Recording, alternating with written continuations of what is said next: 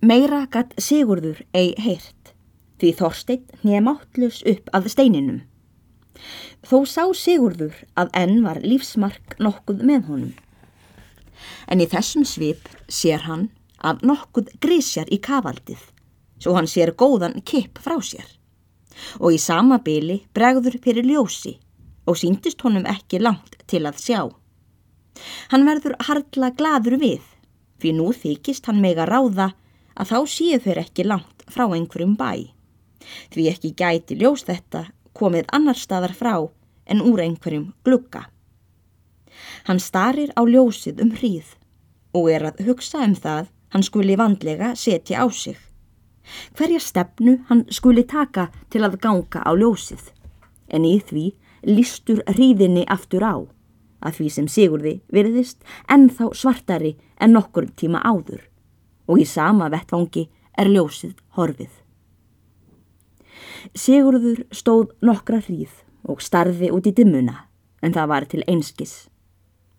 Gekkan þá nokkra stund aftur og fram hjá steininum en aldrei gata hann komið auga á ljósið aftur. Harkan og veðurhæðin var þá svo grimm að ekki gata hann haldið á sér hitta og tók hann nú bæði að kala á höndum og fótum. Húnum dettur þá í hug að hann hafði hyrt að margir hefðu bjargað lífi sínu með því að grafa sig í fönn. Verður honum litið á dælt nokkra hjá holtinu, nokkra faðma frá steininum. Í dælt þessa hafði dreygið skabl og var hún þegar hálf full af fönn. Tekur hann nú það ráð að hann gengur þangað sem Þorstein liggur undir steininum. Var hann þá mállaus og allur sem staur. Þó hugði hann hann enn með lífi, er hann enn þá hafði róða í kinnum og klakin þiðnaði frá vitum hans. Hann vegur nú Þorstein upp á handlíkina og ber hann ofan í dældina og leggur hann þar á skablin. En síðan tekur hann að róta upp skablinum með höndum og fótum og býr til gröð ofan í fönnina og svo stóra er honum virtist næg fyrir tvo. Skablin var mjúkur og nýskjældur og tókst honum fyrir greitt að grafa hann. Þó varð hann að hafa sig allan við að gröfin ekki fylltist jafnóðum aftur. Svo var fannfergjan og moldin þá áköf. Og er hann hafði gjört gröfina á að giska hálfurar annarar alinnar djúpa, tekur hann Þorstein aftur og ber hann í gröfina. Síðan tekur hann staf Þorsteins og rekur hann niður í fönnina hjá gröfinni upp að miðju.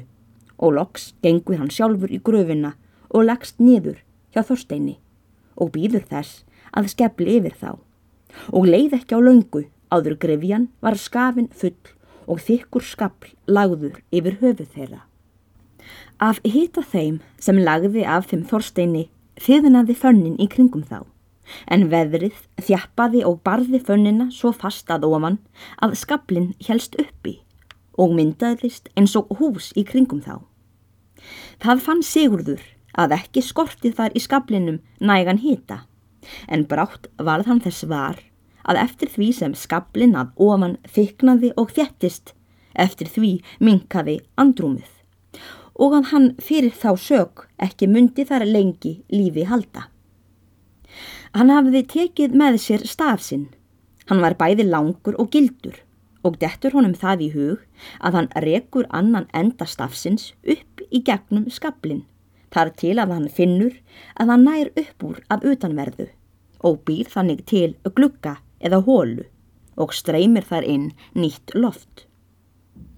Sigurður vill nú forvittnast um hvort Þorstin muni enn með nokkur lífi og þreyfar um fætur og hendur hans. Finnur hann þá að föttin utanum hann eru svo freðin að hann var eins og klakastokkur. Hann grúfir ofan að andliti Þorstins og vill vita hvort hann heyri hann okkur anda og getur hann ekki fundið neitt andradrátt og hyggur hann því Þorstein dauðan vera munnu. Nú þótt þar væri döflegt í gröfinni, ásettur Sigurður sér að vaka um nóttina og býða svo þess að daga því og vita þá hvort hríðinni létti og frista ef hann mætti koma til einhverja bæja.